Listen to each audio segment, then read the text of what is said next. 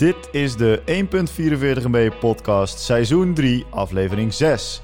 En we gaan het deze aflevering hebben over hoe je pitches wint voor een bureau.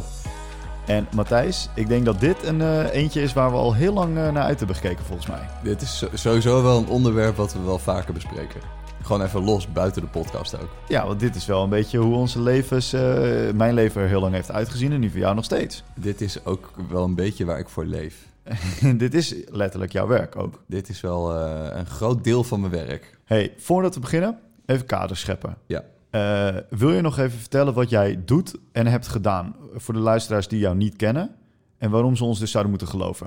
Oh, uh, werkwise? Ja, dus waarom, waarom kun jij pitches winnen en waarom is dat ah, voor jou belangrijk? Ja. Oké, okay. nou, dat, um, ja, jeetje, waar zou ik eens beginnen? Ik ben twaalf jaar geleden afgestudeerd. Ja. Uh, toen bij Rhinofly begonnen, wat tegenwoordig Kaliber heet. Uh, daar onder andere social label Tribewise gestart. Dus min of meer mijn eigen bureau gehad. Dus dat is een spin-off van uh, destijds Rhinofly, ja, die ja, zich ja. specificeerde in social media. Ja, daar uh, alle nieuw business natuurlijk voor gedaan. Ja. Dus daar uh, als stratege, oprichter, nou eigenlijk alles samen met, uh, met het team in ieder geval wel alle nieuw business dingen gedaan. Daarna bij Caliber alle uh, veel betrokken geweest bij veel nieuw business en dus bij veel pitchers. En nu bij, uh, bij M2, M2 Media, waar ik nu zit, mediabureau. Um, daar de afgelopen drie jaar, nee, ik werk er nu drieënhalf jaar. daar ook wel betrokken geweest bij, nou, ik denk wel 80% van alle pitches die we doen. En M2 is een mediabureau. Yes. En Rhinofly was een digital development agency, toch? I ja. En ja, cre creatief digitaal bureau. Creatief digitaal bureau. Ja. En die deden heel veel in arbeidsmarktcommunicatie. Uh, arbeidsmarktcommunicatie is een grote tak van ze. Maar ja. ook installaties en ook uh, gewone campagnes. En ja. eigenlijk, eigenlijk super breed. Oké, okay, en M2 is media over alle categorieën en verticals. Yes. En onderdeel van een grotere groep die Candid heet. Zeker. Daar zijn we een keer geweest voor de opname. Ja. En binnen de Candid groep zitten heel veel andere labels die uh, complementerend zijn aan het M2-label. Uh, ja, dus daar zit een uh, reclamebureau bij. Er zit ja. een digitaal, digitaal online, online specialist bij. Ja. En dus met name digitale inkoop. We hebben een social label, dus die alle social kanalen bedient. We hebben een creatiestudio, we hebben een onderzoeksbureau. Dus dat is ja. ja. best wel vet. Dus een klant die bij jullie binnenkomt, die kan in principe, als hij binnen is bij jullie in Amsterdam, kan, of Rotterdam sinds uh, kort, yep. kan die eigenlijk alles bij jullie vinden. Alles. Vraag hebt en je zegt, ik wil groeien. Ja. Heb ik daar creatie voor nodig? Heb ik daar media voor nodig? Moet ik dat in mijn eigen social kanalen doen? Moet ik, uh, nou, noem maar op. Ja. Kom maar. En wat hebben jullie nog niet? Uh, ja, dat is een goeie. Als ik kijk wat uh, Gerard, dat is, de, dat is de oprichter, ja. wat hij in, uh, in interviews uh, benoemt. Hij, kijkt, hij kijkt wel vooruit naar nieuwe technologieën. Ja. dus niet zozeer wat hebben we nu nodig, maar wat zal het over een paar jaar zijn. Ja. Slim, en, denk ik toch? Ja, ja, ja, zeker. Dus daar, daar worden gesprekken mee gevoerd. data kunnen we nog wel wat meer mee. Oh ja, ja. He, dus we hebben echt wel, onder, we hebben wel onderzoekstakken en we hebben onze eigen benchmarks en bestanden en dat soort dingen. Maar op zich nog meer data zelf in huis hebben, daar ligt nog wel een kans. Ja. Nou, dat, dat is wel een beetje waar het naartoe gaat, denk ik. Cool. Ja. Mooi. En jij, Bram, wat is, jouw, uh, wat is jouw ervaring? Waarom mag jij straks zeggen dat je weet waar het over gaat als het om pitches gaat? Ja, mooi. Uh, ik, ben, ik heb een beetje hetzelfde pad gelopen als jij. Ik ben afgestudeerd uh, nu twaalf jaar geleden, denk ik. Ja, 2008, 2009 toch? Allebei ja, zo ongeveer. Ja. Um, en ik ben toen begonnen bij een reclamebureau in Leeuwarden. Dat heette destijds Vos Liebert. Uh, dat heet tegenwoordig Junction. En... Is dat nieuw? Nou, dat is niet heel erg nieuw. Alleen ze zijn op een gegeven moment, uh, vlak nadat ik weg was... Nee, sorry. Toen ik er nog was, zijn ze gesplitst. Toen heette ze Vos Liebert Communicatie en uh, Channel Up. En Channel Up deed de shopper-communicatie. Ah, ja, ja, ja. En uh, dat was iets wat al heel groot was. Eigenlijk net zoals dat Kaliber heel groot was in uh, arbeidsmarktcommunicatie... was dat eigenlijk onze grootste tak. Uh, en we deden heel veel ja, voor, voor packaging, DTP en dat soort dingen. Dus dat hebben we toen gesplitst... zodat die twee labels beter konden focussen. En er kwam een derde label dat zich focuste op digitaal. En dat was mijn label. Dus net voordat jij met Tribewise begon... begon ik met nieuwe code... Eh, en ik eh, deed eigenlijk eh, digitale ontwikkeling, dus bureau, digitaal bureau. Ja. Heb ik twee jaar gedaan. En het idee was dat ik dat langer zou doen. Maar een van de bureaus waarmee wij partnerden, die vroeg om of ik naar Amsterdam wou komen om daar hun bureau verder op te zetten. Dat was Label A. En Label A is een digital development bureau, dus die ontwikkelt digitale producten, vergelijkbaar met Caliber. Juist. Waarbij Label A wel meer zit op de platformen. Dus wat, wat zwaarder werk en wat minder op eh, promotionele campagnewerk. Ja, en meer op start-up, scale-up hoek. En dat zijn we uiteindelijk gaan doen, Ja. omdat we dat zelf ook deden. Ja. Eh, dat was, eh, ga ik heel eerlijk zeggen, nooit strategisch gepland, maar dat was meer een resultaat. Ja. Ehm, maar de focus was altijd om opdrachten binnen te halen waar we een ehm, kritieke onderdeel van de operatie van de klant werden. Want dan kunnen ze nooit meer zonder je. En ja, ik vind die propositie wel tof hoor. Net eh Rocycle gewonnen, toch? Ja, klopt. Ja. Cool, dat zit hier eh, het zit schuin, schuin hieronder eh, bij, mij, bij mij in mijn gebouw. Ik vind, Ja. het al, ik vind het altijd wel vet. Ja. Dat ademt gewoon nieuw sport of zo. Ja, het is Rocycle voor de mensen die het niet kennen. Het is op spinning fietsen. Maar dan met een drill sergeant trainer met Ja. toffe muziek en lampen. En je, gaat, je schijnt helemaal in, erin op te gaan. Ja, ik heb collega's die dat wel eens hebben gedaan en die, eh, die gaven me aan dat ze er helemaal kapot van Ja, terugkwamen. je schijnt echt helemaal, eh, helemaal, helemaal dood te gaan aan het Ja. einde. Positief. Ja, ja. En, eh, en, ja, en om het dus af te ronden, ik ben gestopt met bureauwereld anderhalf jaar, twee jaar geleden. ja. En nu begeleid ik in mijn winters, als ik dus niet aan het rijden ben in, in Zuid-Europa, begeleid ik klanten om eigenlijk de andere kant te doen. Ja. Dus het uitzetten van, van pitches en kijken welke bureaus geschikt zijn. Ja, dus volgens mij, hè, als we, we hadden het net eh, in onze voorbespreking er even over. Ik denk dat wij best wel wijsheden kunnen delen over hoe wij eh, vanuit creatieve bureaus naar pitches kijken. En Ja. waar, wat wij denken wat succesvol is. Ja. En daarop aansluitend wat wij, eh, wat wij merken zouden aanraden op het moment dat het gaat om het uitzetten van een pitch en wat ze dan moeten doen. Ja, dat denk ik ook. Ik zie Ehm, heel bedrukkelijk kijken. Gaat ja, dat, om, dat komt omdat eh, de software weer even niet meewerkt. Maar we nemen gelukkig op twee dingen op. Dus we zijn nu overgeleverd aan Road. Oké. Ehm, en als Road ermee kapt, dan, eh, dan kappen wij er ook mee. Zoveel technologie en dan nog... eh. Ja, nee, het was in dit geval eh, Adobe, wa- wat even mee stopte. En daar heb ik altijd een haat-liefde verhouding mee. Dus, maar vooral haat. Adobe Di- Audition. Hey, maar even de, we hebben de kaders geschept. Iedereen weet wie wij zijn. Ehm, En dat ze ons mogen geloven als we slimme dingen zeggen. Ja, maar dan wil ik eventjes ingaan op pitches. Ehm, want voor heel veel mensen is dit misschien onbekend. Eh, wil jij even uitleggen wat er in onze wereld gebeurt? Ja. Oké. Het, eh, het wordt ook wel een soort van ehm paradeshow genoemd. Ja. Eh, merk X. Laten we het, laten we het, laten we het een, weet ik veel, laten we het Nike noemen. Nike wil een nieuwe campagne. Die heeft daar een bureau voor, maar die is een beetje uitgekeken op dat bureau. Dus Nike denkt, ik ga op zoek naar een nieuw bureau. Nou, hoe ga je dat dan doen? Dan ga je mensen bellen en dan ga je zeggen... Hey, heb jij nog een goed bureau in je netwerk? Of heb je leuke mensen waar je ervaring mee hebt? Dan krijg je een lijstje van eh 10 bureaus. Nou, dan ga je een beetje websites bekijken. En dan zie je daarop staan eh, dat, dat er allemaal leuke mensen werken... dat ze ervaring hebben met je branche. Ja. Maar ja, dan moet je een keuze gaan maken. Mhm. En dat doe je niet alleen door eh, te zeggen... hey, eh, ik zag dat jullie een mooie website hebben. Laten we eens even eh, gaan samenwerken. Dus wat er dan gebeurt is... Een, eh, een merk schrijft dan een pitch uit. Dus die nodigt bureaus uit. Die zegt... eh, eh, we, hebben hier een, we hebben hier een opdracht. Dus we hebben hier een, we hebben hier een briefing voor je. Hoe zou jij deze opdracht oplossen? Ja. En dat doen ze dan naar... nou, wat, wat netjes is, is drie, vier bureaus... Het kan, het Waarom kan is dat netjes? het kan wel eens, omdat het wel eens kan voorkomen dat, dat je een van de zeven of van de acht bureaus bent. Ah, oké, dat ze heel veel vragen. Dat ze heel veel bureaus uitnodigen. Ja. Eh, daar ben ik wat minder happig op tegenwoordig. Een soort van vleeskeuring, zeg maar. Nou, weet je, dan, dan ga je, dan, eh, ga je eh, te veel dingen met elkaar proberen te vergelijken. En dat wordt voor jou als opdrachtgever niet overzichtelijk. Ja. Dus op het moment dat je zeven bureaus uitnodigt, kan je nooit al die plannen met elkaar vergelijken. En eh, eh, je gaat nooit rationeel een beslissing maken. Hm, Dus dat- interessant. Eh, maar ehm, eh, oké, dus je bent in bureau, je krijgt een briefing, je wordt gebeld door Nike. Nike zegt ik zoek een nieuw bureau. Ja. Hier heb je een briefing, over vier weken is de presentatie. Succes. En dan presenteer je wat? Dan presenteer je de oplossing van de briefing. Dus Ja. dan zeg je nou, wij, wij zijn Bram en Matthijs van het fantastische bureau eh, Brahma. Ja, oh, dat, dit klinkt goed. Ja, ja, en dan eh, zeggen we, nou, eh, dit is waar we voor staan, dit is waar we in geloven, en dit is de opdracht die jullie ons hebben gegeven, en hier is de oplossing. Tada! En dan glitters en confetti. Ja.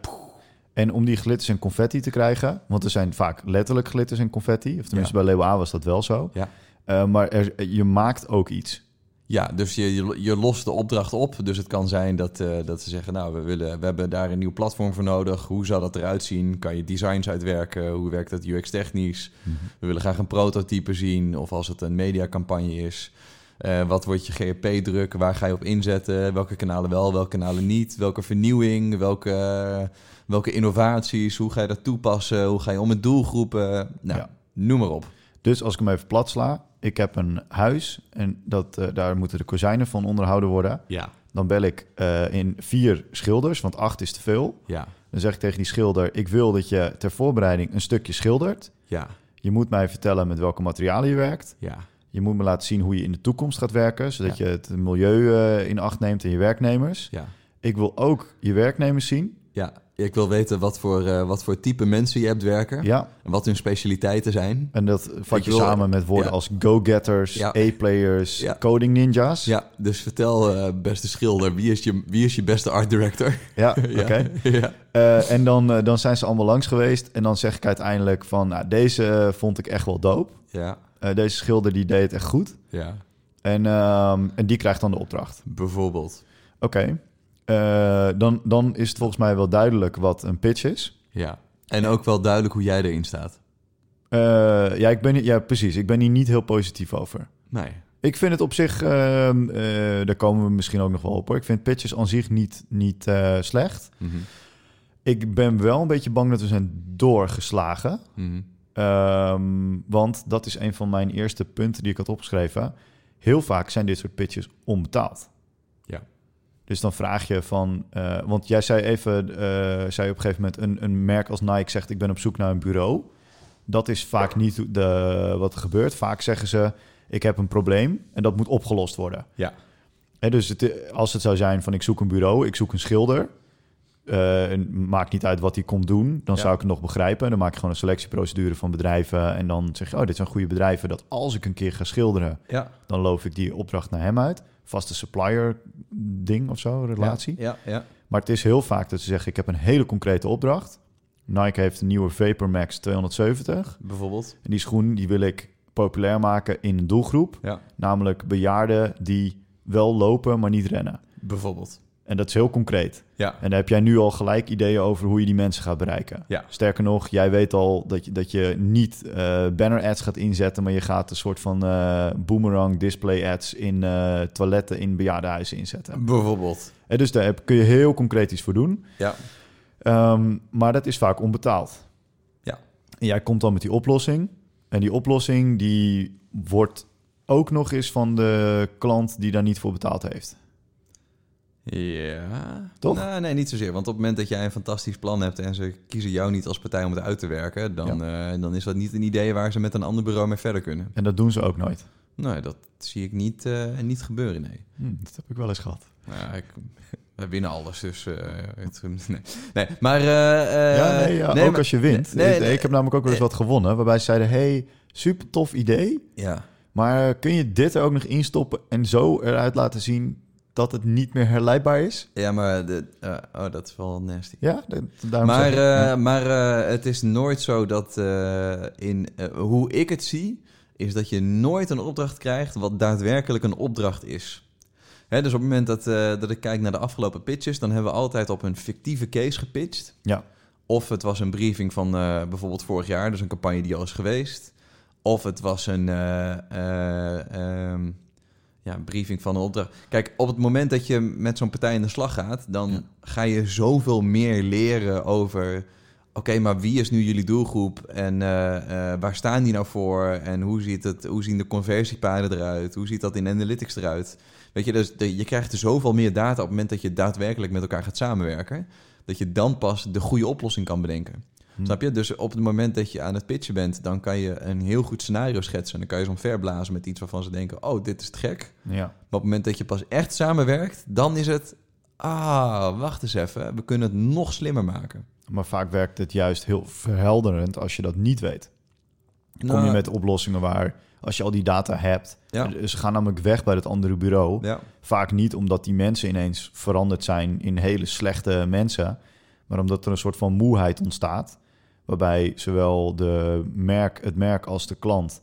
sorry, de merk als het bureau... ja, eh, allebei precies weten wat de data is... ja. precies weten wat er is gebeurd... ook precies weten wat de volgende stap moet zijn. Ja, precies. Het wordt heel voorspelbaar. En, da- en daardoor kan een merk denken... nou, het is nu maar eens even tijd voor een nieuw bureau... wat even een nieuw leven erin, erin blaast. Ja, en als je dan niks weet, dan denk je ook volledig zonder beperking. Nee, maar om een heel praktisch, praktisch voorbeeld te noemen... als wij eh, een mediaplan maken... dan Ja. vragen we altijd Google Analytics toegang. Ja, precies. Omdat we precies willen weten wat conversiepaden zijn... hoe eh, mensen converteren, wat, eh, wat, wa- hoeveel euro een lead waard is bijvoorbeeld. Ja. En nou, 9 van de 10 keer zegt een opdrachtgever... ja, sorry man, maar ik, ik kan je daar nu echt geen toegang toe geven. Dat is raar, hè? Maar kan je... Nou nee, vind ik logisch, want het gaat er niet zozeer om hoe je de case oplost. Eh, nee, het gaat er niet zozeer om dat je de kant-en-klare oplossing hebt... maar Mhm. dat je laat zien hoe je dat zou oplossen. Hmm, dus, de- Dus- het gaat om de som, niet om de uitkomst. Ja, dus zo... Ja. Ja. Nou, dat is mooi. Ik vind dat wel, dat vind ik wel heel positief, want dat ben ik helaas Ja, nog nooit tegengekomen. ja. Jij zei ook eh, heel even, zei je, eh, het gebeurt nu steeds vaker dat je fictieve cases krijgt. Ja, nou, puur om de reden dat, dat je nooit alle data 100% kan Precies. krijgen. En omdat je gewoon een soort van opstartfase met je opdrachtgever nodig hebt... om ervoor te zorgen dat je die klant echt goed leert kennen. Ja, En dat ze daarom waarschijnlijk inzien van... ja, ik kan je nu wel alles 100% gaan geven... maar dan vragen we en te veel van je... Hè, want dan eh, ben je al 100% het plan aan het maken. ja, Eh, en dan, eh, eh, ja, misschien wil je dat wel niet, die, al die input geven aan vier, vijf bureaus die met, jou aan, die met jouw merk aan de slag gaan. ja en, misschien, vertrouwen hebt. en misschien over een half jaar voor een concurrent aan de slag Ja. gaan. En dan in één keer al die input hebben, snap je? Maar word, dat, dat snap ik helemaal. Vind ik supergoed. En betekent dat dan ook dat je dan voor langere perioden zeg maar, met elkaar gaat werken, dat ze daar al aan committeren? Dus dat, omdat het een fictieve case is, dat het niet is voor een hele specifieke case, maar dat ze eerder gewoon zoeken naar een vaste relatie voor langere tijd. Ja, ja, maar ik denk dat dat, ja, dat denk ik. Want ik denk ook wel dat als ik kijk naar eh, hoe dat bij Label A zit en hoe bij eh MT Media, dus, dus jouw meest recente ervaring en mijn huidige ervaring, Ja, een mediabureau die pitcht op de relatie. Dus die, dat is, nou, we gaan, eh, we gaan nu twee, drie jaar met elkaar samenwerken. ja, Het liefst langer. We hebben opdrachtgevers waar we, waar we een jaar of tien voor werken. Ja. Dat, dat, dat, dat, is, dat is te gek, want dan leer je elkaar echt goed kennen. Ja. Dan snap je het product, dan snap je de markt. Ja. En daarom merk ik dat als je kijkt naar pitches, dan is het... Ja, tuurlijk is een heel groot deel is inhoud en laat zien dat je het kan. ja. Dus eh, 50% is, eh, is inhoud, denk ik. Mhm. En de andere 50% is chemie. Dus laten ja zien mensen. Ja, dat, je, dat, je, dat je goed met elkaar overweg kan. Dat je, Ja. dat je een discussie met elkaar durft aan te gaan. Ja. En dat je laat zien dat je een leuke partij bent om mee samen te werken. Ja. want op het moment dat je op die manier je als bureau laat zien... eh, dan denkt een merk ook van, ah, dat is te gek. Dat, dat, dat is een leuke club. Daar, eh, da- daar wil ik wel, eh, echt wel echt wel toffe dingen mee gaan doen. Ja. En weet je dan ook al vooraf hoeveel ze bij je gaan uitgeven? Ja. Voor een traject van een paar jaar, zeg maar. Nou ja, de, de, de- we, we, we, niet, we krijgen het niet altijd. En dat kan altijd nog verschillen. Het kan zijn Ja. dat je een opdracht wint en dat het dan in één keer veel minder wordt. Tuurlijk, de wereld verandert. Ja, maar... eh, Maar het is in eh, ieder geval dat je wel weet dat je... Dat, stel dat het zeg maar, om een project van een, een ton gaat.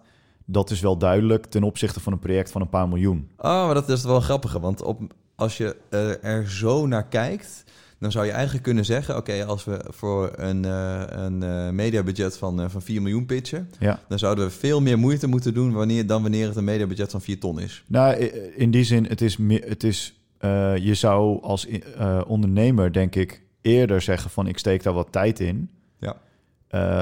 Als je weet dat het, als het over een lange termijn gaat. Nou, nou sowieso. Ik, ik zou liever. Waarbij ik, sorry, daar koppel ik Ja. even ehm, eh, budget aan termijn. Ja. kan natuurlijk ook zijn dat je een klant hebt die in een, in een week 4 miljoen doet. Maar ik ga er even vanuit, zeg maar, dat een klant die een ton doet, in een, eh, dat is één project. En een klant die 4 miljoen doet, dat die wat langer eh bij je Oh nee, nee, niet zozeer want we hebben kleine en grote opdrachtgevers. Ja, En op het moment dat je een klant hebt die, eh die 4 ton doet in, op jaarbasis. ja. We hebben ook klanten die 4 ton doen in een maand bijvoorbeeld. Ja, ja, ja. Alleen eh, waar ik naartoe wilde is op het moment dat je dat soort twee verschillende klussen hebt. Ja. Wat, ik zo, eh, wat ik zo fijn vind aan, eh, aan het bureau waar ik nu zit. Uh, verleden eigenlijk ook wel. is dat op het moment dat je, dat je zo'n klus aangaat en je zegt: Oké, we gaan er nu vol voor, Ja. dan is er geen, geen verschil of het een hele grote of een hele kleine opdracht is. Ah, oké. Ja. Eh, nou is het ook zo dat we gewoon niet pitchen op eh, opdrachten van, van een ton bijvoorbeeld. Want Je dan, hebt gewoon een ondergrens. Ja, want dan, dan stop je er meer tijd in dan dat het je daadwerkelijk straks gaat opleveren. Ja, en waarschijnlijk zijn jullie er ook minder goed in. Iemand die heel goed is in kleine budgetjes, die weet van iedere euro weten ze om te keren. En jullie zijn waarschijnlijk hebben het volume om op grote hoeveelheden Ja, ja, ja. te En, onderhandelen. en dan ben je gewoon te duur als bureau. ja, precies. Ja. Maar, dat, eh, maar dat, dat vind ik wel interessant. Dus op het moment dat we kijken naar wat voor type klanten we krijgen, ja. dan. eh, dan eh, eh, maar om het even praktisch te maken naar tips, want anders wordt het alleen maar een wow, wat is M2 een vet bureau? Dat is het ook. Maar als je kijkt naar praktische tips, als je het besluit neemt om mee te pitchen, Ja. dan moet je ook mee pitchen om te winnen. ja, dan moet je er vol voor gaan. En dan moet je er vol voor gaan. Dan moet je niet denken, oh, dat is een klusje van 40.000 euro. En ik heb ook een klus van, van een ton. Hè, dus daar mag ik 2,5 keer zoveel tijd in steken. Nee, natuurlijk niet. Eh, Je doet mee om te winnen, want als je pitcht tegen een bureau wat kleiner is... waar die 40.000 euro wel meer geld voor is, zeg maar... Ja, Ja, dan lig je er alleen al af op hoeveel effort je erin steekt. ja, ja mee Dus- eens. Altijd volle bak, gaan. 100% ervoor gaan. Oké. Dat is tip 1. En tip 2, wat ik net al even kort even benoemde, was eh, eh, voor mijn gevoel is het 50% inhoud, 50% chemie. Ja. Dus zorg ervoor dat je gewoon superleuk aan tafel zit. Oh ja, nee, nee, eh, ik denk dat je dat, eh, daar maak jij bijna een grapje van, maar ik denk dat dat heel erg belangrijk is. Ik denk dat, eh, wat ook heel moeilijk is, hè, als je Ja. bijvoorbeeld kijkt naar een, een bureau, daar zitten altijd mensen die aan de voorkant werken en mensen die het echte werk doen. Hm, ja, Zeg maar, accountmanagers zijn vaak de mensen waarmee je in contact bent met een, met een klant. Dat heet bij ieder bureau anders, maar Ja. er zit altijd een, een groepje mensen die praat met klanten. ja, En dan heb je de mensen die het echte werk doen. Of dat nou me- bij media is, of, eh, of bij een eh developmentbureau of bij een reclamebureau. Je hebt altijd iemand die met zijn hand op de muis zit. ja maar daar zit, wel, daar zit wel een tussenschakel tussen, toch? Ik kan me bij Label A voorstellen dat er wel een strategisch of creatieve laag tussen zit. Nee, Of dat account inhoudelijk ook heel veel weet. hebben we allemaal weggehaald. Is het niet zo dat account... Account weet toch wel wat, wat inhoudelijk... Wat, het zijn toch geen autoverkopers op die manier? Eh, nee, dat klopt. Ehm, maar de developers zijn ook niet eh, generieke developers. Dus wat we hebben gedaan bij eh, Label A een paar jaar geleden... is eigenlijk dat we hebben gezegd van die pitches die we doen... die zijn best wel vaak inhoudsloos. Ja. Eh, wij mm, vertellen een mooi verhaaltje. Ja. Eh, daar waren we op een gegeven moment zo goed in... dat we ook tijdens de pitch al wisten of we hem gingen, gingen winnen. Dat konden Ja. we letterlijk voorspellen. Ja. Ik heb jou ook wel eens horen praten over pitches. Op een gegeven moment weet je gewoon dat je saus, dat die werkt. Ja. Je hebt iets te pakken. Na anderhalf jaar begint hij een beetje uit te werken. Ga je hem weer tweaken. Ga je weer een paar pijnpunten pakken. Eh, en dan kom je... Dan, ik kom zo nog wel even op een paar dingen die ik heb gedaan om, om pitches te winnen. Ehm, maar dan daarna begint het project. Wat Ja. pas echt belangrijk is. Ja, ja, ja. En eh, wat, wat wij heel erg merkten is... als je de verwachting schept dat jij de standaard van het bureau bent... wat natuurlijk niet zo is... Want je, het is een beetje een Tinder date, weet je. Hoe je daar tegenover iemand zit, is niet hoe je echt bent. Je, Ja. je doet even net je shirt aan en je doucht een keer. Nee, je gaat wel een keer douchen. ja, Ja. precies. Ehm, eh, dus wat wij hebben gedaan is gezegd van ja, wij werken alleen nog maar agile. Hè, dus het label A werkt alleen maar agile. Dan werkt, werkt ook dus iedereen met de klant, iedere dag. Juist. En die klant moet ook iedere dag bij ons naar binnen kunnen komen. Letterlijk, er zitten een aantal klanten Ja. op kantoor. Ja.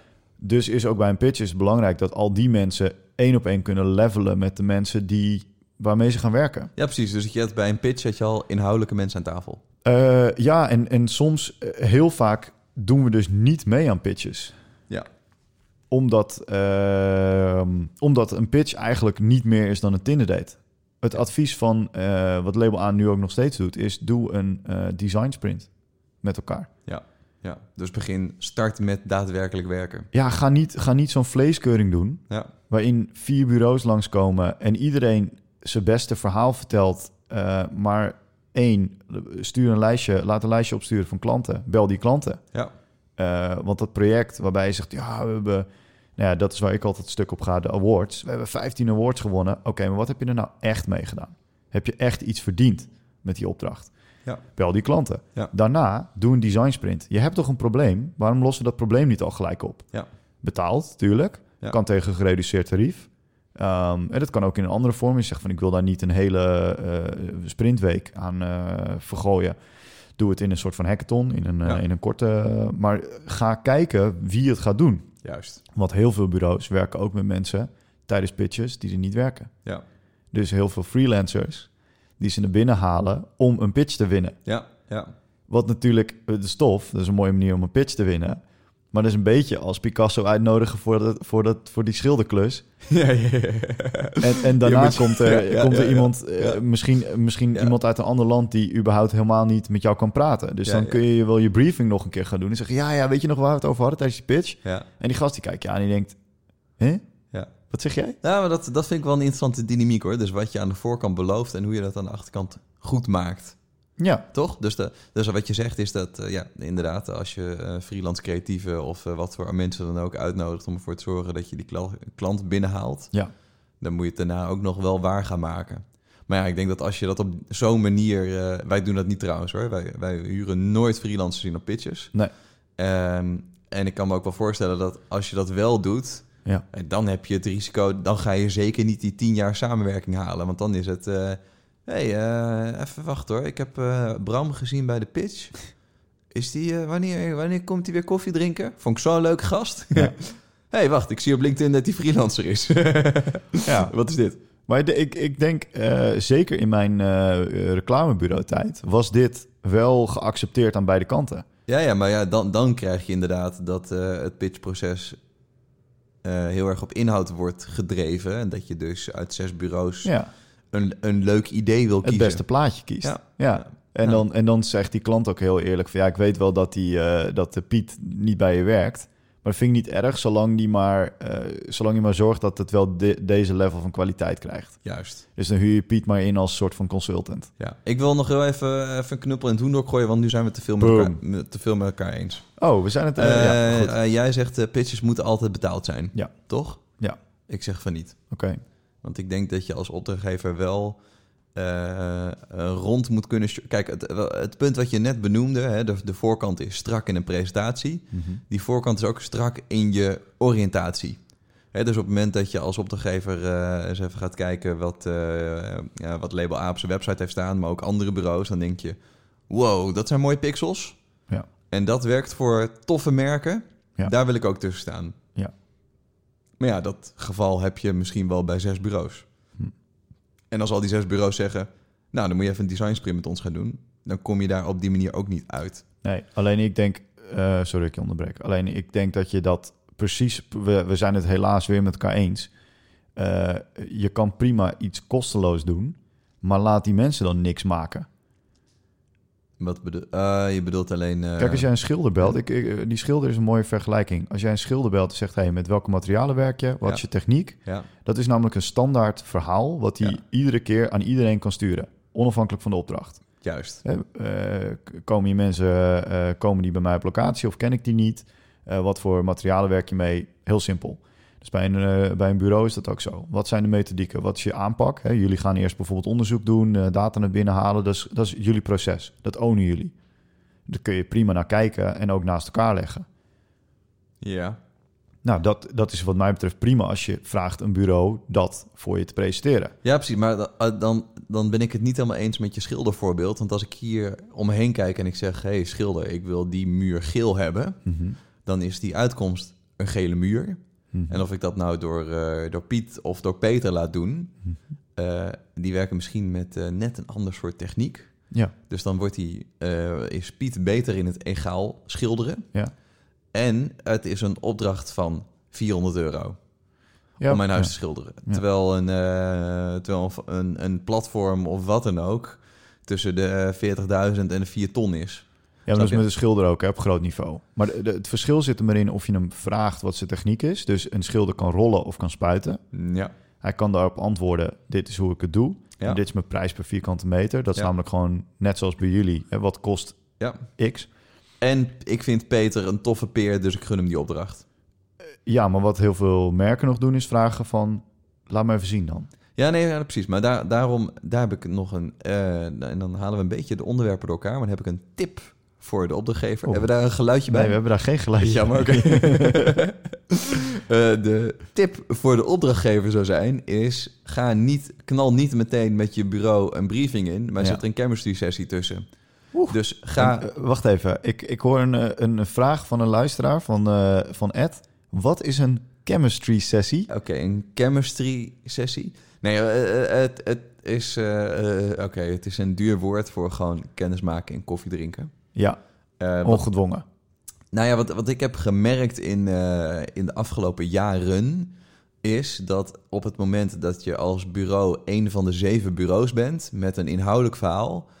eh, dan voel je je gewoon best, wel, best wel uitgeknepen. Ja. Op het moment dat je een bureau bent van de vier, dan voel je je nog steeds uitgeknepen. Maar op het moment dat je daarvoor eh, met de opdrachtgever even een kop koffie hebt gedronken om je bureau te presenteren, om te kijken of er op, eh, op, eh, ja, gewoon op chemie een klik is. Hè? Dus of ze je het gewoon toffe mensen vinden en of jij hun ook toffe mensen vindt, want het Ja. gaat twee kanten op. Hey. Dan ga, stap je veel lekkerder zo'n opdracht in. Mhm. Enerzijds omdat je gewoon tof werk wil maken, omdat het voor leuke mensen is. Eh, en anderzijds omdat je, hopelijk, eh, omdat die, chemie, eh, die chemistry sessie ervoor heeft gezorgd dat zij niet met zeven bureaus, maar met vier bureaus om tafel zitten. En dat gebeurt heel veel. Hè? Dus op het moment dat, ze, dat, je, dat je een klant hebt die, die zegt, of dat je een merk hebt die zegt, nou laten we eerst maar eens even kijken of we überhaupt een klik hebben met een bureau. En ze nodigen zeven bureaus uit. Ja, prima. Dat kost dan even een keer een dag, misschien twee dagen. Maar dan kunnen ze daarna al de helft van de bureaus wegstrepen. Omdat ze denken, ja, dit, dit zijn toch wel een beetje eh, eh, auto, autoverkopers in het accountteam. Of dit is Ja. toch, eh, ze hebben toch net niet... Dus niet Ze kunnen toch net niet... ze hebben op de site allemaal vette case staan. Maar oh, wacht, ze hebben daar alleen maar de executie van gedaan... en niks Ja, aan strategisch of creatief werk. Ze mochten een beetje inkopen en dat was het. Ja, bev- In, eh, in het mediageval. er, er, is, er is bijna geen bureau wat niet ooit voor KLM heeft gewerkt, bijvoorbeeld. ik heb nog... ja, hoor, we hebben ook wel voor KLM gewerkt Nee, dat, ze- dat zeg ik. Ja. Dus eh, ja, po- point proven. ja, ja, dus elk, elk, elk bureau heeft wel, heeft wel een KLM of, of, of een ander mooi aansprekend merk. Maar ja. Ja. als je dan gaat doorvragen, dan is het... Ja, we mochten de, de leaflet doen die in de, eh, in de eh, kantine stond om aan te kondigen dat er een nieuw product kwam. zeg maar. Bijvoorbeeld, Ja. nou, letterlijk dat hebben we bij Truiphuis gedaan. We hebben daar een, eh, een, een, een Is dit een- activatie... Is dit een scoop? Activatie, nee, uh, Truiphuis tien jaar geleden. Oh. We hebben daar een activatie gedaan voor hun intranet. Dus om ervoor te zorgen dat mensen, meer mensen hun intranet gingen gebruiken. Voor Coca-Cola. Nee, voor KLM. KLM. Ah, ja. En dat was, was lachen, dat was een super tof traject. En hele leuke mensen. En het is gewoon lachen om daar op voor KLM hoofdkantoor te lopen. Ja. Alleen, eh, Die ja, ingang is vet, hè? Met die eh, eh, vliegtuigstoeltjes. Ja. Ja, ik vind het, ja. Maar, de, dus elk bureau kan zeggen dat ze voor grote merken hebben gewerkt. Maar dan gaat het echt over om de inhoud. Ja. En dat kan je in zo'n chemistry sessie bepalen. Ja, oké, Dus- maar dan zijn we het weer met elkaar eens. Nu moeten we toch wel ergens even goed met elkaar op de vuist gaan, vind ik. Ja. Dat vond jij ook? Wat, eh, waar zijn we het met elkaar over? Nee, ja, we, we waren het, eh, volgens mij zeg jij precies hetzelfde. Die chemistry sessie is gewoon om elkaar te leren kennen. Eh, doe dat als merk, zodat je niet iemand verplicht om dingetjes te maken. Juist. Dingetjes maken moet, moet je gewoon voor betalen. Juist. Nou, ja, ja, en nee. Ja, wel. Nee, dat zeg ik nu. Nou, nee, nou, nee, dat, nee. Nee, vind ik niet. Ik denk dat je... Maar wat, wat is dan wat is de max wat je mag vragen aan, van een merk? Dus oké, e- even de scenario's waarin ik werk. Ehm, een- sprint kost zeg maar tussen de 25 en 50.000 euro, afhankelijk van, eh, van hoeveel mensen je erin hebt. Ja. Ehm, dat is voor twee weken. Ehm, een opdracht duurt vaak, laten we zeggen, een maand of vier, vijf. Dus Ja. we hebben het over budgetten zeg maar van 500.000 euro en above. Ja, En het uitzicht is dat je sowieso die opdracht doet en eh, het werk wat daarna komt. Ja. Eh, afhankelijk van hoe goed je het zelf doet natuurlijk. ja, Eh, maar er is geen uitzicht op meer. Dus laten we zeggen dat je in het eerste jaar zeg maar een half miljoen tot een miljoen doet. ja, Waarbij het vaak aan de onderkant van die half miljoen zit. Ja. Want het, klanten budgetteren vaak ook op het minimum. ja. En dat er in de jaren daarna nog wel wat werk zit. Zeg maar, laten we zeggen 250.000 euro ieder jaar. Ja, dus jij zegt, eh, die, eh, als je die investering doet van 50.000 euro... dan is dat 10% van je eerste jaar omzet. Bijvoorbeeld. Ja. Wat eh, vind je dat normaal? Nou, Als iedereen ja. dat doet, hè? Want als je het Nou, wint, is ja. natuurlijk, dan, is, dan is iedereen blij. Nee, nee ja, nee, eens. Nou kijk, en dan, dan haal ik weer even aan wat ik eerder zei. Het gaat mij niet om de omvang. Als wij als team bepalen, wij willen die klant winnen, want die vinden we bij ons passen. Die opent deuren naar nieuwe markten. oh, Het is een vet merk of we kunnen er lekker aan verdienen. Ja. Dan moet er ook volle bak voor gaan. En als ik kijk naar de afgelopen pitches en wat voor teams daarop hebben gezeten. eh, ja, dan, dan stop je daar. Nou, ik denk al wel makkelijk tussen de 100 en de 200 uur in om gewoon een goed plan te maken. Per En- persoon of in totaal? nee, in 200 uur? totaal, in totaal, in totaal. En, en, En- en eh, ik, ik, ik, ik weet jullie tarieven niet, dus dat ga ik ook niet vragen, want dat vind ik niet netjes. Het is net als je leeftijd, hè? maar ik, ik reken even 125. Dus dan spendeer je zo'n 25.000 euro out of pocket in uren. Eh, nou, niet out of pocket, want dat zijn... Ja, eh, een co- een commercieel tarief zou je daar inderdaad op uitkomen. Ja, Maar dat is niet je commerciële tarief, want je mensen kosten niet letterlijk 125 euro. nee, exact. Nee. Maar je hebt ook nog wat materialen, toch, bij jullie?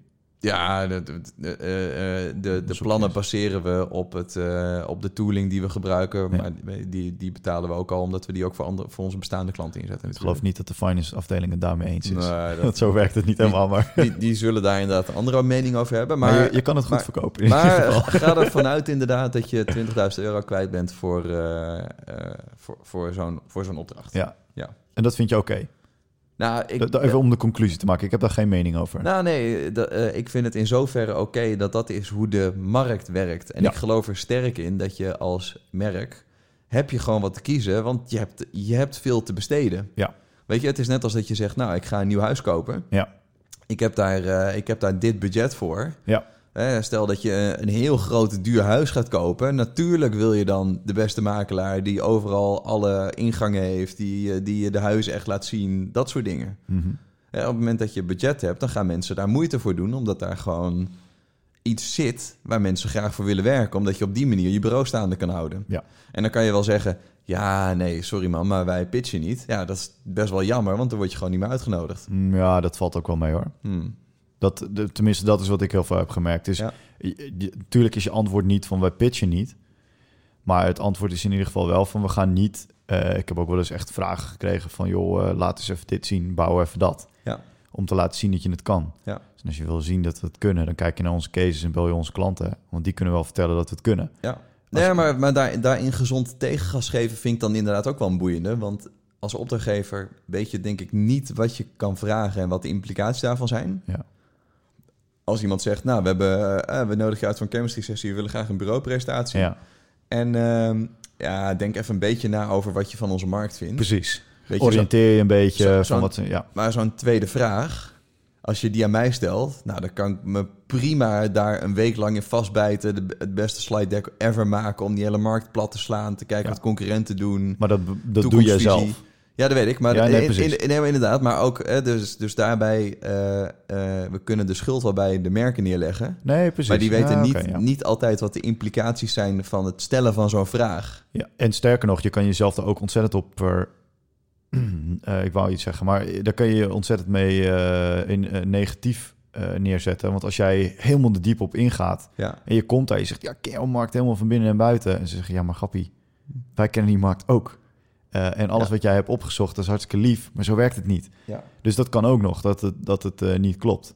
Oké, cool. Ehm, ja, nee, ik denk ook, eh, om het even te rectificeren, want ik probeer hem natuurlijk een beetje scherp aan te zetten. Maar wat, wat er bij ons vaak gebeurde in het app-tijdperk, toen de apps net nieuw waren, was het ook dat heel veel mensen niet zo goed wisten. En gewoon vroegen van, ja, ma- ma- maak maar iets, dan kan ik in ieder geval even zien of het lekker werkt. Ja, ja, ja. ja. Ehm, En dan moet je bureaus een beetje, of eh, klanten een beetje opvoeden. Waarbij Ja. je zegt, van, nou, dat is eigenlijk niet gebruikelijk.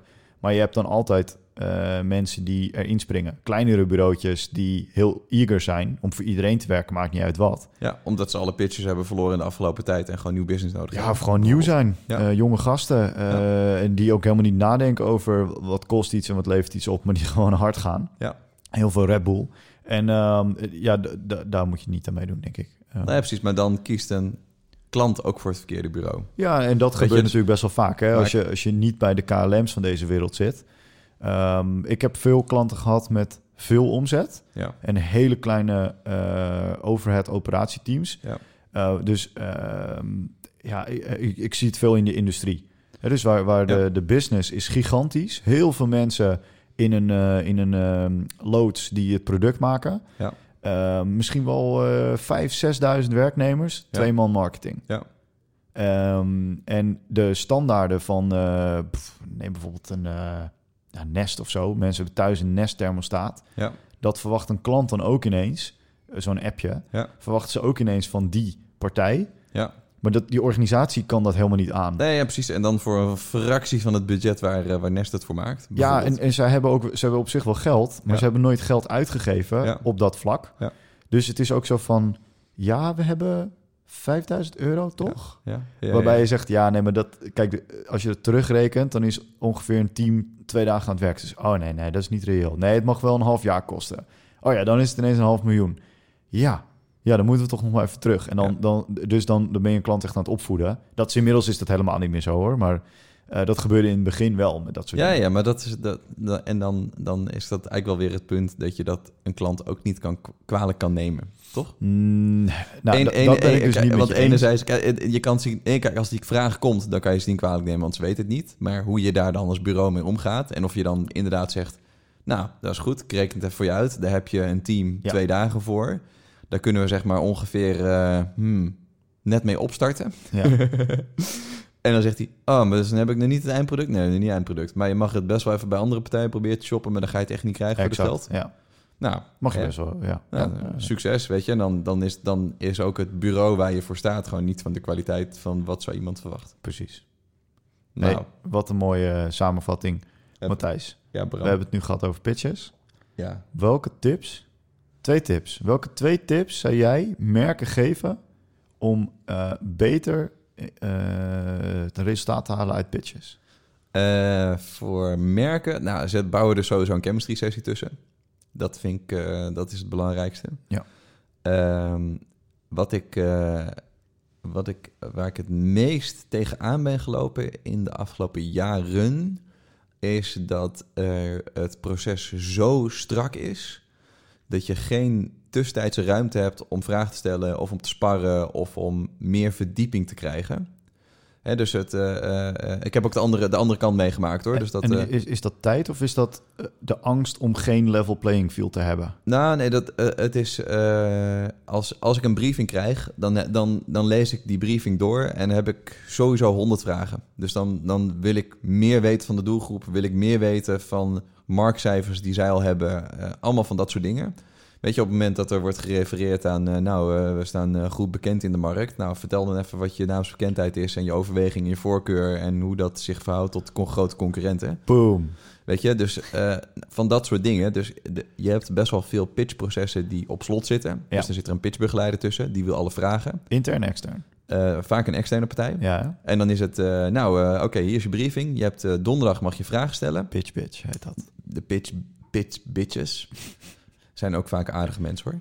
Donderdag mag je alle vragen stellen. Dan gaan we alle vragen bundelen. Dan, gaan, eh, dan gaat de opdrachtgever gaat daar eh, tijd voor nemen. En dan krijgen jullie eh, een week later krijgen jullie alle antwoorden. Ja. En dan eh, de dinsdag erop moeten jullie het verhaal vertellen. En iedereen krijgt dan alle antwoorden, toch? Iedereen krijgt alle vragen en alle antwoorden. Vind ik heel netjes. Ja, vind ik ook. Ehm, eh, dat is dan ook wel weer grappig, want dan kan je ook een beetje zien wat voor vragen de andere bureaus stellen en wat daar dan het niveau in is. Dus dat Ja. is dan boeiend.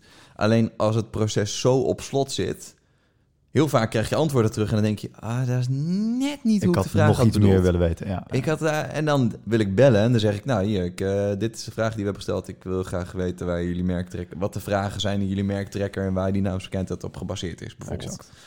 En eh, eh, wat fijn is, is wat fijner is, is als je tussendoor gewoon veel contact kan hebben met je opdrachtgever om. En ik ga ze echt niet plat bellen, Ah, maar gewoon even, even, even de ruimte hebben om de telefoon op te pakken of om een mailtje te sturen. Ja. Dus dat is mijn tip voor merken. Zorg ervoor dat je de ruimte neemt, want het kost bureaus heel veel werk om te pitchen.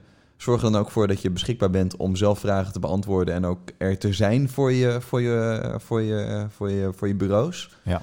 Dat is denk ik wel het belangrijkste. Dat is tip 1. Heb je nog een tweede tip? Eh, ja, dus chemistry. Oh, Chem- chemistry. chemistry en eh, beschikbaarheid. Cool. Bram, wat voor tips heb jij? Eh, nou, mijn ene tip is eigenlijk, komt bijna overeen met je chemistry sessie. Ga met die mensen werken. Of dat nou een dag is, of een week, of een maand. Dat maakt niet zoveel uit. Ja. Maar ga zeker als je iets gaat laten ontwikkelen, ga met die mensen werken die het werk gaan doen. Ja. Eh, dat is tip 1. Ja. En tip 2, don't be a bitch about it. Er zijn heel veel dingen ingegroeid, zoals je mag niet weten wie de concurrenten zijn. Oh, die vraag stel ik altijd. Stel ik ook altijd, Ja. want ik koop namelijk wel eens een auto. Ja. En het is voor die verkoper veel makkelijker om mij uit te leggen waarom deze auto beter is dan die ander als hij weet welke die ander is. Ja. Oh, je wil een Audi? Ja, dat is anders dan een BMW. Want Ja. de een is voorwiel aangedreven en de andere achterwiel aangedreven. Er zitten voordelen in, of quattro, whatever. Ja. Het is zoveel makkelijker als je dat kan uitleggen. Het is ook heel makkelijk om te zien of je wel tegen de juiste wordt gepitcht. Ja. Sterker nog, als ik het vraag eh, en ook uitzet, uitzet, dan krijg ik ook best wel eens vaak, eh, geef ik de reactie, heb je trouwens ook met die en die gesproken? Ja. Want je kan beter een hele goede concurrent tegen je hebben dan een hele slechte. Ja. Want dan, dan eh, vecht je ook nog echt... weet je, als, als iemand tegenover je staat waarvan je denkt... Jesus, nou, dat gaan we sowieso winnen. Maar dan, dan is de opdracht ook nog niet helemaal zuiver. Ah, nee, maar dat is een goeie. Want dat, dat heb ik ook wel eens meegemaakt. En dan stond ik tegenover een partij en dan dacht ik... Oh, dit gaan we sowieso winnen. Ja, Alleen... eh, hoe komt die ertussen? Hoe komt die ertussen? Ja. En dan, oh, is dat dan vriendjespolitiek? Ja, Of is dat dan... eh, ben ik nu offertevoer? Of, eh, of is het zo dat, als ik dan nog even de briefing doorlees... dat, eigenlijk, dat ik de briefing verkeerd heb geïnterpreteerd? Ja, of dat wij te groot zijn. Bijvoorbeeld. Ja. Dus dat zeker. Zeker een dus dus boeiende. die, die, die Ja. punten, dus vertel gewoon wie het zijn. Ja. Wees ook gewoon open over de opdracht. Ja. Zorg ook dat je alles weet. Ja. Weet je, eh, hetzelfde gaat weer over met dat huisschilderen. Ja. Gaat het alleen om de kozijnen of ga je volgend jaar ook nog de trap doen? Ja. Als je geen antwoord hebt op die vraag of daar een beetje spastisch over doet, dat doen ze heel vaak. Ja. Ze zeggen, ja, ja, mogelijk is er meer. Ja, Oké, wat dan? ja. Eh, geen, geen wortel voorhouden. Ja. Ehm, En wees concreet over het budget. is op zich ook wel lekker. ja, nee, ja, budget voor het project, maar ook voor de samenwerking. Ja, ja, Weet je wel, eh, dat doe je ook als je gaat Tinder daten. Als iemand heel stellig zegt van ik wil eh, nooit gaan trouwen. Nou, dan is dat toch duidelijk voor die ander. Dan weet je dat dat, dat dat nooit gaat gebeuren. Dan gaan heel veel mensen niet aan die date beginnen. Ik geloof dat Tinder over iets anders gaat. Maar, Zeker. dus, dus mijn eerste is inderdaad, ga met die mensen werken. Kom met ze in contact. Tweede is, gewoon eh, niet zo spastisch doen. Want dat is er allemaal ingegroeid. En je weet eigenlijk ook niet zo goed waarom je dat doet. Don't be a bitch about it. We een knopje om dingen uit te bliepen? nee, dit ga ik allemaal handmatig doen. Ehm, Oké, dan. eh, eh, Oké, en wat voor, wat voor tips zou je voor bureaus hebben dan? Pff, nou ja, sowieso doe geen onbetaalde pitches. Ja. Je moet gewoon heel erg goed nadenken over wat je doet en waarom je het doet. Ehm, dus bouw niks voor gratis. Ja. Dat betekent niet dat je niks mag doen. Ja. Ik zal je zo nog een mooie anekdote vertellen over de beste pitch die ik ooit heb gewonnen. Ehm, maar eh, ja, in de meeste gevallen eh, moet je gewoon, word je gewoon misbruikt omdat een merk denkt: ik ga nu eens even laten zien wie hier de baas is. Mhm. Dat is gewoon heel flauw, maar het is gewoon zo. Ja. Ik ga nu tien bureaus uitnodigen en dan ga ik eens even lekker eh, twee dagen inplannen. En dan komen ze ook allemaal tegelijk. Dus dan heb jij van 10 tot 11. Nee, van 10 tot kwart voor 11, wat altijd Ja. uitloopt tot Ja. 11. Ja. Ja. En die andere partij is om 10 over 11. ja. Maar die zit er al om 11. Dus dan loop je alsnog langs elkaar. Ah, dat is... Super ongemakkelijk. Nee, man, dat is lachen. Ja, ik vind het super ongemakkelijk. Ja, omdat, het, is, het is ongemakkelijk, maar het is ook al gewoon een stukje gezonde weet je voor wie het het, ongemakkelijkste is? Voor je opdrachtgever. Ja, Ja. want je kent elkaar Ja. uit de wereld. Ja. Je zegt, hé, hey, grappie Ja. ja. het oude pik, Ja. oude pap. Ja, ja, dat heb ik ook dan inderdaad letterlijk gehad met, met een oud collega die bij een ander bureau ging werken. Die... Zo'n high five. Ja, ja, ja, ja, ja. Dus ik zat in, we zaten in de gang te wachten en hij kwam. eh, ik, eh, ik hoorde, eh er was een klein kantoortje en eh, om de hoek hoorde ik een deur open gaan. En toen zei ik, toen, toen hoorde ik hem Ja, ja, bedankt voor jullie aandacht. Hè? En toen dacht ik. Godverdomme. die ken ik. En dat was inderdaad voor die opdrachtgever super ongemakkelijk. Want hij kwam de hoek omlopen en het was... Ik zei, Jules? Wat je... Hè? En hij zei, ja, lachen man. ja, dat was, ja, dat was leuk. Ja, dit vind ik ook mooi. Want Ja, maar- maar helemaal als ze dat- het dan geheim hebben proberen te houden. Maar dat was ook het... ehm, eh, eh, dat was ook trouwens het merk wat eh, dus wel zeven bureaus had uitgenodigd. Ja, Ja, dat... ehm, en die we niet hebben gewonnen. Jeetje. Oké, maar terug Ja. naar de tips. ja dat waren mijn tips voor bureaus. Ik heb wel een paar. Oké, jij hebt ook een mooi wat Ik post-its. heb allemaal dingen opgeschreven. De tips van Matthijs. Het traject begint nu. Go. Oké, nou, eh, dus eh, je pitch win je 50% op inhoud, 50% op chemie. Ja, Eh, daarvoor is het belangrijk, ik heb het net ook al gezegd, maar ik heb het opgeschreven even als... herhalingje. Debrief ze de moeder. Ja. Zorg ervoor dat je alles weet. Ja. En daar is de mooie balans dus in. Zorg ervoor dat je ze niet helemaal gek maakt. En dat is, ik wil heel veel weten. En daarom is het goed dat er bij ons een soort van accountlaag tussen zit. Ja. Dan zeg ik, nou, ik wil dit nog weten, ik wil dit nog weten, dit nog weten. We gaan nu even met ze bellen. En dan zegt de account, Ja, dat hoeft normaal. Even, even wachten, want eh, we moeten ook Het is, nog... het is eh, nog geen klant. Nee, we moeten rustig gaan doen. Eh, wat altijd belangrijk is, is dat we altijd goed kijken wie we tegenover ons hebben zitten. Ja. Dus eh, eh, heel plat, maak even een dossiertje van je contactpersonen. Waar hebben ze gezeten? Wat is hun achtergrond? Want daar moet je rekening mee houden. Super lachen. Hm. Ben je het niet mee eens? Ja, boeit niet zoveel. Wel, man. Wat doe je daarmee dan? Nou, als ik zie dat iemand eh, super digitaal georiënteerd is, dan weet ik dat ik in mijn digitale verhaal me meer tot hem moet richten, of tot haar. En dat ik weet dat op het moment dat er een digitale vraag komt, dat ik weet waar die vandaan komt. Snap je? Ja, oké. Maar is- ik, eh, nou, Ja, het is grappig. nee, want ik, die- ik doe dat niet zoveel. Want ik, ik doe dat heel... eh, ik kan in dat soort gesprekken heel snel met mensen levelen. Ja. En daar ga ik vaker op aan dan wat ik van ze weet. Hm. Sterker nog, ik, ik, anders ga ik ook rekening houden met dingen. Als ik dingen van mensen weet. Dus ik probeer altijd wel te kijken wie het is. Ja. In de zin van hoe lang werkt die persoon er al. Ja, ja, ja. Eh, en eh, en wat, in wat voor rol. Oh, maar het, het is niet dat ik eh, iemand zijn Twitter-feed ga uitpluizen en ga kijken wat hij op Insta Ah, doet en of hij eh, tot twee jaar terug. nog op vakantie, op vakantie is geweest en dat ik zeg, hey, heb je lekker geskiet, jongen? Ja, ik zag het op je Insta. Jij was ook brak in. Ja, dat was echt vet, hè? Bovenop... eh. Ja. Nee, maar op zich weten waar, waar iemand vandaan komt... en op die manier daar ook misschien wel je verhaal op aan kunnen aanpassen... vind Ja. ik best wel handig. Oké. Ik had nog opgeschreven...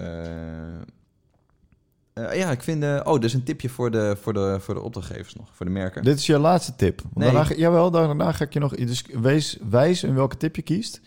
Daarna mag je nog één keer vertellen wat je allertofste pitchervaring is. Nee, maar ik wil... Oké, eh, voor merken zorg dat je referenties opvraagt. Want niemand kent het bureau beter dan degene waar ze nu op dit mee samenwerken. Mee eens? Gewoon even bellen, weet je. Vraag gewoon, hey, ik, heb, ik zoek een referentie. En dan nou, moet het bureau dat maar even invullen. En als bureau is het dan slim om goed na te denken over referenties die enerzijds dus op inhoud zitten en anderzijds op chemie. Dus samenwerking en tegelijkertijd ook... eh, En dat mag je ook best wel eh, periodiek vragen hè, aan een klant. Ehm, Dat is echt iets geleerd, eh, wat ik geleerd heb van Binder. Dat mensen die eh, referentie zijn, die moet je ook, dan, dan moet je ook af en toe gesprek mee hebben daarover. Ja. Ehm, want die mensen gaan namelijk ook, als het negatief gaat, gaan ze ook negatief zijn. Ja. Dus die moet je, ja, dat moet je wel apart behandelen. Ja, en bel ze even van tevoren en zeg, hey, ik heb je opgegeven. Ja, dat hoeft dan dus referentie, Dus, eh, ja, nee, ja, Dat, eh, moet je gewoon af en toe met ze afspreken, is leuk. Dat was jouw laatste tip. Ah, ik heb eh, er meer, maar die bewaar, ja, ik, dan weet voor- ik. die bewaar ik dan als cliffhanger Die voor... kun je op de Slack vinden waarschijnlijk zometeen. Bijvoorbeeld. Eh 1.44mb.nl slash Slack, daar kun je je aanmelden. Zeker. En dan wil ik nu als afsluiter van jou weten, Matthijs... wat is het beste pitch-traject wat jij hebt gehad ooit, ever, in je leven? Ehm, het leukste of het beste? Of Ja, het maar, meest- eh, wat je het meest is bijgebleven. ja, shit. Ja, dan denk ik aan recente pitch-trajecten. Ja, maar daar mag je niks over vertellen. Ja, daar mag ik inderdaad niks over vertellen. Hmm. Zal ik anders even Ja, mijne be- doen en dan kun jij er nog even over nadenken? Ja, dat is een goeie. Oké. Eh, ik heb ooit gewerkt met ehm, eh, Alex eh, Hamming ehm, eh, bij Vos Liebert. En die had iets briljants bedacht. Eh, die deed namelijk voor cold leads, Ja. ehm, toen dat eigenlijk nog niet zo heel gebruikelijk was, stuurde die zo'n eh burnerphone, dus zo'n goedkope telefoon. Dat Ja. was, toen waren die nog, waren nog een beetje nou, duur, ik geloof 150 euro of zo. Ja, ja. Die stuurde die op naar een klant in een doos. Met hij staat aan, zet, neem mij met je mee. Ja. Mooie doos, Vos Liebert styling. Die stuurde die de mensen toe eh, met een koerier. Die koerier belde dan en zei, oh Alex, hij ligt bij die persoon. En dan eh, belde die die persoon na een uur of twee, drie. Ja. Al die mensen gingen die telefoon door het hele bedrijf meenemen. Want het was zo mysterieus. Er Ja. stond op, wow, de telefoon, neem me mee. Stond er wel op Vos Liebert als Er stond niks op. Ja. Nee, wel de roosjes van Vos Liebert, voor de rest niks. Ja. Juist, juist een beetje mysterieus. Ja. Ehm, het gesprek was heel simpel. Eh, wij zijn een communicatiebureau, we weten mensen te bereiken. Ha, het is gelukt, want jij hebt hem ook bij je gehouden. Zie je hoe verrassend wij zijn. Maak een afspraak met mij en je krijgt ook de oplader van die telefoon. Ja. Dan mag je hem houden. Ja. vond ik briljant. Lachen. kwam die ook echt bij grote merken binnen. Wij zaten in Leeuwarden, dus we stonden op 4-0 achter. Ehm, en zo kwamen we toch nog bij grote merken binnen. En een paar jaar geleden, toen werd ik eh, steeds gevraagd om, eh, om heel eh, toffe dingen te maken in pitches en zo. En toen dacht ik van ja, hier moet ik even een stapje voor zijn. Wij moeten aan iemand kunnen laten zien hoe goed we zijn, zonder dat we precies gaan bouwen wat zij willen. Ja. Toen hebben we een aantal van de dingetjes van Label A bij elkaar gemieterd. Dus een aantal onderdelen van apps die we hadden gebouwd. Um, en dat hebben we uh, een paar keer getest. En de eerste test die we eigenlijk echt deden was voor Porsche. Ja. Um, daar kan ik inmiddels wel over praten. Uh, Porsche zette een uh, briefing uit, vroeg om daar naar te kijken, om met een goed voorstel te komen. Dus die vroeg niet om iets te bouwen, Ja. maar wij wouden wel laten zien dat we het konden. Ja. Want in hun briefing stonden een aantal dingen niet die wij heel belangrijk vonden. Dus bijvoorbeeld uh, dingen doen op basis van locatie, maar dat wel heel transparant doen, dus dat je niet mensen trackt. En... Dus we hadden een app gebouwd uh, die we voor iedereen konden inzetten. Dat was de Label A Pitch app. Ja. Uh, die zat op een groene iPhone 5C. Die verstuurden we naar uh, de klant waar we pitchten. Daar stond een briefje op met... hij staat aan, hou me bij je. Ja, ja. Dus dat heb ik één op één gekopieerd. Ja, ja. Um, alleen wat die telefoon deed was net even anders. Die telefoon had uh, alle informatie over onze pitch had die, uh, in zich. Dus daar stond de briefing in van de klant. Daar stond de datum in waarop we langskwamen. En daar stond een uh, timeline in met wanneer we dingen gingen doen. Ja. En op die timeline stonden dingen als... we gaan je deze week informatie sturen over ons team. Dan stuurden we allemaal filmpjes, een beetje Snapchat-achtige dingen. Ja. dus al ver voordat die pitch was... stuurden we via die app dit is het team wat aan je project gaat werken. Super vet. Uh, Snapchat-achtig. Hey, ja. ik ben uh, Sanne, ja. ik doe UX. Ja. Um, dat is uh, user experience, dat staat hiervoor. Boom. Uh, en wij vonden het heel belangrijk dat we lieten zien hoe je bijvoorbeeld pushberichten goed kunt laten werken. Want dat was drie, vier jaar geleden echt een issue. Dat iedereen pushberichten stuurde, maar niemand kon dat. Dus wat wij hadden gedaan is een aantal locaties voorgeprogrammeerd... waar we dachten dat de klant naartoe zou gaan... Uh, het hoofdkantoor van Porsche zit in Leusden. Wij hadden verwacht dat ze wel wat bezoekjes zouden doen bij Porsche dealers. Ja. Maar hebben ook bijvoorbeeld een fabriek ingezet in Duitsland. we hebben Zandvoort erin gezet, circuit Zandvoort, circuit Assen. Ja. Ja. En als die klant daar kwam, dan kregen ze een badge. Ja. Dan zeiden ze, gefeliciteerd, je hebt de badge unlocked dit. Ja.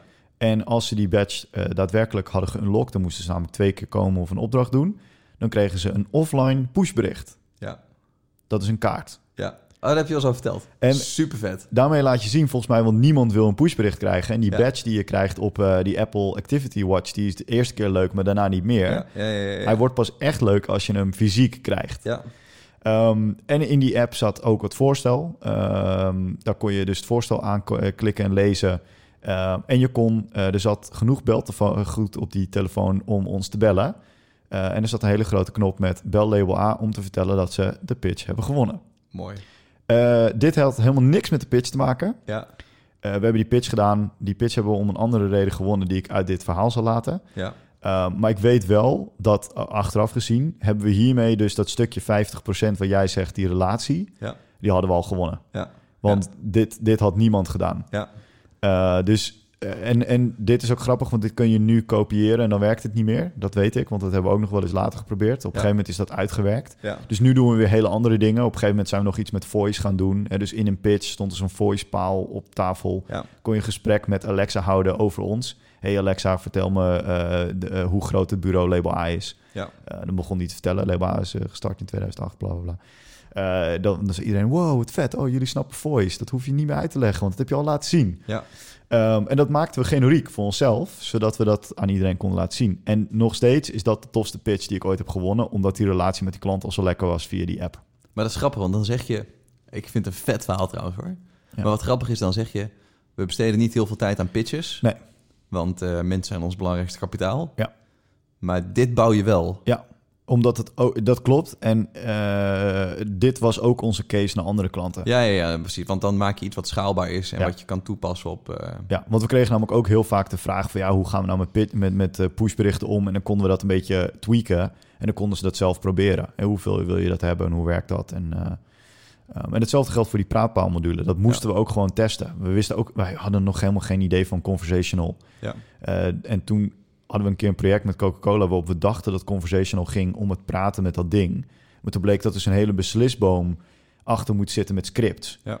En dat bleek om content te gaan. Dat hadden wij nog nooit gedaan. Dus dat gingen we testen van hoe breed moet zo'n gesprek gaan... om dat Ja. natuurlijk te laten voelen. Ja, kun je het maar beter voor iets gebruiken gelijk. Ja. Dus. Heb je inmiddels iets leuks bedacht? Nou ja, ik zit, ik zit even op een ander spoor dan eh, eh, wat is je vetste pitch-ervaring. Maar meer, hè, want ik, ik ben even door jou getriggerd. Hoe ga je op een vette manier vette dingen laten zien? Ja. En eh, ik had al opgeschreven, behandel bestaande klanten ook als pitches.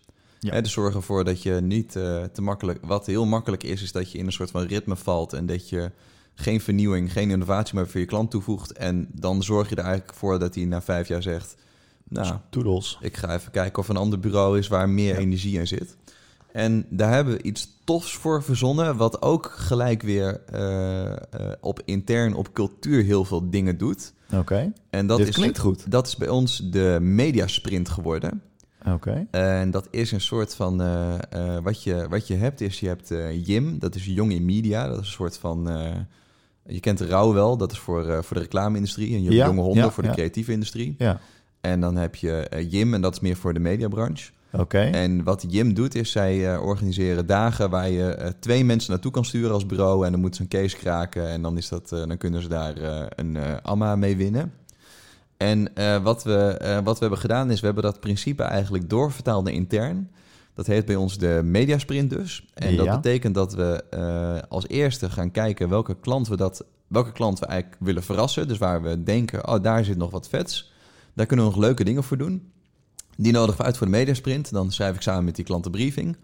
Dan zetten we de teams aan de slag. Dat zijn er eh, nou, een beetje afhankelijk van hoeveel mensen er op dat moment mee kunnen doen. Maar dat zijn er meestal een stuk of zes.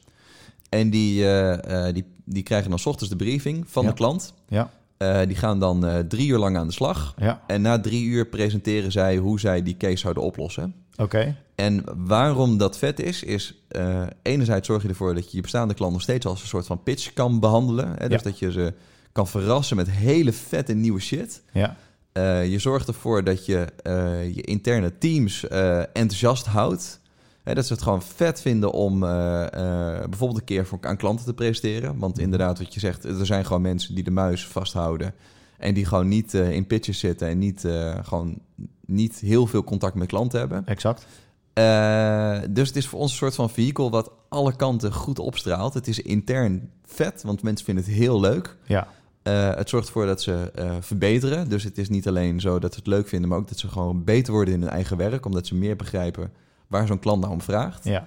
En voor een klant is het echt te gek, omdat ze op die manier op hele nieuwe manieren met media in contact komen. Exact. Dus we hebben, we hebben het wel eens een keer gedaan voor co-op. Dat was onze testrun, dus dat was zonder co-op. Maar waarbij we hebben gekeken van, oké, stel dat je eh, meer mensen eh, eh, een zomerbaantje in de schoenen zou willen schuiven. Hè, dus hoe gaan we ervoor zorgen dat er meer, meer jongeren bij de, bij de co-op hun bijbaan willen doen? Ja. Nou, echt een fantastisch plan. We hebben het een keer voor Dutch Filmworks gedaan, hoe we een film gaan promoten. We hebben het voor Nintendo gedaan, hoe we een nieuwe game gaan lanceren. Ja. Hè, dus op die manier eh, ehm, ja, snijdt het mes eigenlijk aan drie kanten. Wow. Het mes snijdt aan. En op die manier is het voor drie, eh, is het voor drie redenen dus heel goed. Ja. En eh, ja, dat is gewoon vet. Wat mooi. Ja, toch? Ik, eh, ik, ik ga hem daarbij afsluiten, Matthijs. Want dit is gewoon... er is niks mooiers dan samen met je klant aan mooie dingen werken. Zeker. mij. Dan wil ik nog wel even één ding benoemen. Dat zijn onze Patreons. Ja. Alle Patreons die we hebben, shout-out naar jullie. Ja. We hebben een lijstje. Eh, ja, dat zijn eh Marlies. Ja, eh, dat Lucas. eh, Lucas. ja Alex. En dat zijn Alex. Mooi. Eh, jullie Patreon-steun wordt enorm gewaardeerd. Wordt ook Patreon. Je leest op 1.44b.nl hoe dat moet. Ja. Eh, dat is voor ons leuk, omdat we daarmee eh, de bevestiging hebben dat we leuk bezig zijn. En eh, dat zorgt ervoor dat we eh, een klein zakcentje hebben om nieuwe spullen te kopen. En zodat we ook Die doneren we aan het goede doel. aan het goede doel kunnen doneren. Ja. Omdat we de verdubbelaar inzetten. Zeker. Hoe dat precies zit, lees je op 1.44b.nl. Ja. Bram, ik vond het vet. Ik vond hem vet. Mooie, eh, mooie energie, Matthijs. Zeker. Ik zeg eh, Tot volgende podcast. tot de volgende podcast.